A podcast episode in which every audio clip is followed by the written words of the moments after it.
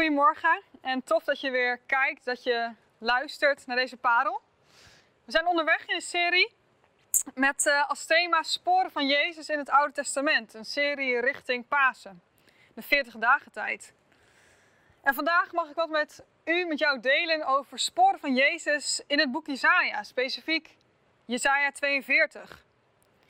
Maar toen ik Jesaja 42 ging lezen, toen kwam ik er al gauw achter dat als je Jesaja 42 goed wil begrijpen, dat het belangrijk is om eerst te kijken wat er aan vooraf is gegaan. En als je helemaal teruggaat naar eigenlijk een beetje het begin van het verhaal van het volk Israël, dan begint dat natuurlijk bij Abraham. Bij het verbond tussen Abraham en God. Waarop God zei: Ik sluit een verbond met jou en met je nakomelingen. En jij en jouw nakomelingen, jullie zullen apart gezet zijn. En uit Abraham groeide uiteindelijk dat volk Israël. Het volk Israël was apart gezet. Om als getuige te zijn van God tegenover de andere volken om hen heen. Maar als je verder leest in het Oude Testament, dan zal je keer op keer zien dat het moeilijk is voor het volk Israël, uh, Israël sorry, om zich te houden aan de regels van God, zich te houden aan de wetten. En eigenlijk gebeurt het keer op keer dat ze zich afkeren van God. Tot op het moment dat eigenlijk een groot deel van die bevolking bijna zonder God leeft. En zelfs de goede koningen van dit volk Israël, zoals bijvoorbeeld koning Hiskia, zelfs die koningen kunnen het volk niet redden van het zich afkeren van God. Hiskia zocht heel vaak hulp bij God, ging heel vaak in gebed om te vragen welke keuzes hij moest maken. Maar uiteindelijk koos hij toch ook vaak voor zichzelf, zoals je bijvoorbeeld kan lezen in Jesaja 39 vers 8. En zo zie je eigenlijk dat het volk Israël een beetje verloren raakt. En dat eindigt uiteindelijk in ballingschap. Het volk wordt meegenomen in ballingschap. Maar als je verder leest in Jezaja, en zo, dan kom je aan zo rond hoofdstuk 40, 41, dan zie je dat God woorden van troost gaat spreken. Woorden van troost voor het volk Israël. In hoofdstuk 41, vers 8 en 9 lezen we bijvoorbeeld, maar jou, Israël, mijn dienaar, Jacob die ik uitgekozen heb, nakomeling van Abraham, mijn vriend, jou heb ik weggehaald van de einden der aarde, die ik van haar verste uithoeken terugriep. Jou zeg ik, jij bent mijn dienaar. Jou heb ik gekozen, ik heb je niet afgewezen. En zo zegt God hier eigenlijk van, joh, jullie zitten nu wel in ballingschap, maar ik ben jullie niet vergeten. Ik heb jullie niet afgewezen. En als je iets verder leest, in hoofdstuk 40 begint dit heel specifiek richting het volk Israël. Maar naarmate je verder leest in hoofdstuk 41 breidt zich dat ook uit naar andere volken, naar de rest van de wereld. En dat is niet zomaar. Want Israël, ja, Israël heeft bevrijding nodig uit die ballingschap. Maar niet alleen uit die ballingschap. Israël heeft bevrijding nodig van, van zonde en van dood. Ze hebben bevrijding nodig van een leven zonder God. En als we dan in hoofdstuk 41 lezen dat die pijlers niet meer alleen gericht zijn op Israël, maar ook op andere volken op de hele wereld, dan is dat niet meer dan logisch. Want de hele wereld heeft bevrijding nodig van zonde en van dood. En vanuit dat perspectief komen we aan in hoofdstuk 42, het hoofdstuk waar ik het vandaag met jullie over wil hebben. En ik wil nu eerst met jullie lezen vers 1 tot 3. En daar staat het volgende. Hier is mijn dienaar. Hem zal ik steunen. Hij is mijn uitverkorene. In hem vind ik vreugde. Ik heb hem met mijn geest vervuld. Hij zal alle volken het recht doen kennen. Hij schreeuwt niet. Hij verheft zijn stem niet. Hij roept niet luidkeels in het openbaar. Het geknakte riet breekt hij niet af. De kwijnende vlam zal hij niet doven. Het recht zal hij zuiver doen kennen. In dit hoofdstuk zien we dat de woorden die Jesaja eerst sprak, gericht aan Israël en gericht aan de andere volken, opeens gesproken worden over iemand anders. In vers 1 wordt een nieuw iemand geïntroduceerd, een nieuwe dienaar. En ik heb gekozen voor de MBV-vertaling, omdat ik die over het algemeen wat beter te begrijpen vind.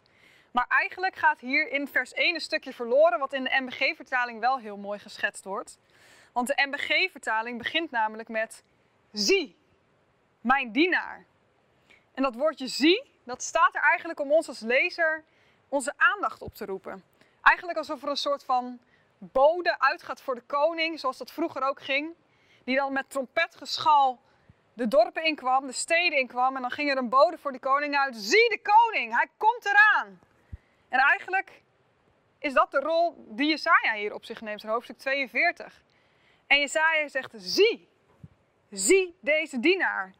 Want deze dienaar, dat is ook een koning.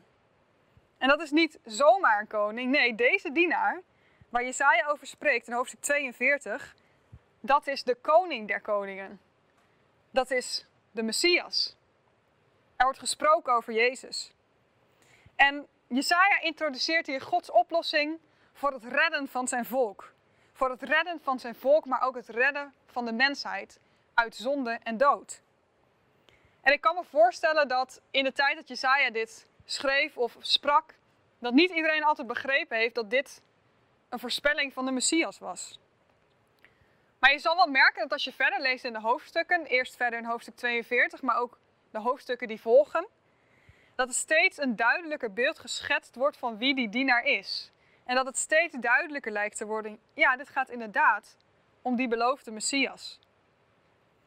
En ook in het Nieuwe Testament verwijzen evangelisten terug naar deze teksten uit Jesaja. In Matthäus 3 en 17 bijvoorbeeld, met Jezus doop en de verheerlijking op de berg, horen we twee keer de woorden: Dit is mijn geliefde zoon. In hem vind ik vreugde. En dat is eigenlijk een kopie van de woorden die we hier vinden in Jesaja 42, vers 1. Hier is mijn dienaar, in hem vind ik vreugde.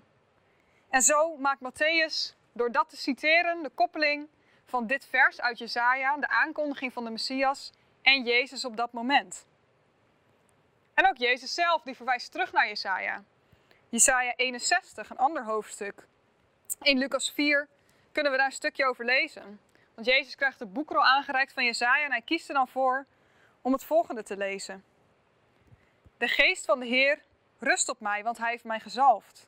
Om aan armen het goede nieuws te brengen, heeft hij mij gezonden. Om aan gevangenen hun vrijlating bekend te maken. En aan blinden het herstel van hun zicht. Om onderdrukten hun vrijheid te geven. Om een genadejaar van de Heer uit te roepen. En Jezus leest het niet alleen voor, hij noemt daarna ook: Vandaag hebben jullie deze schrifttekst in vervulling zien gaan. En daarmee verwijst hij naar zichzelf. En zo zien we dat hoewel Israël elke keer eigenlijk tekortschoot in zijn taak om priester te zijn van God, om andere volken te wijzen op Jezus, dat deze dienaar dat hij niet tekortschiet. En deze dienaar is wel in staat, in tegenstelling tot de koningen van Israël, om alle volken te kunnen verlossen. En ik ben me ervan bewust dat er best wel wat discussie mogelijk is over of die tekst in Jezaja 42 nou daadwerkelijk over de beloofde Messias gaat.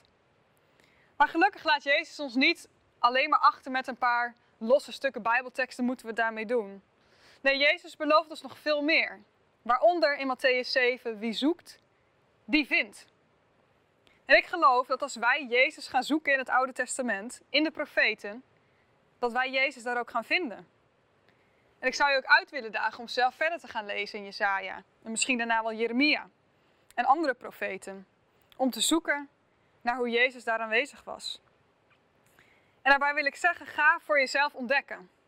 Hoe Gods plan altijd, ten tijde van Jesaja, ten tijde van het Nieuwe Testament en ook nu, hetzelfde is geweest. En altijd door diezelfde zal werken. Die ene, Jezus. Een fijne dag.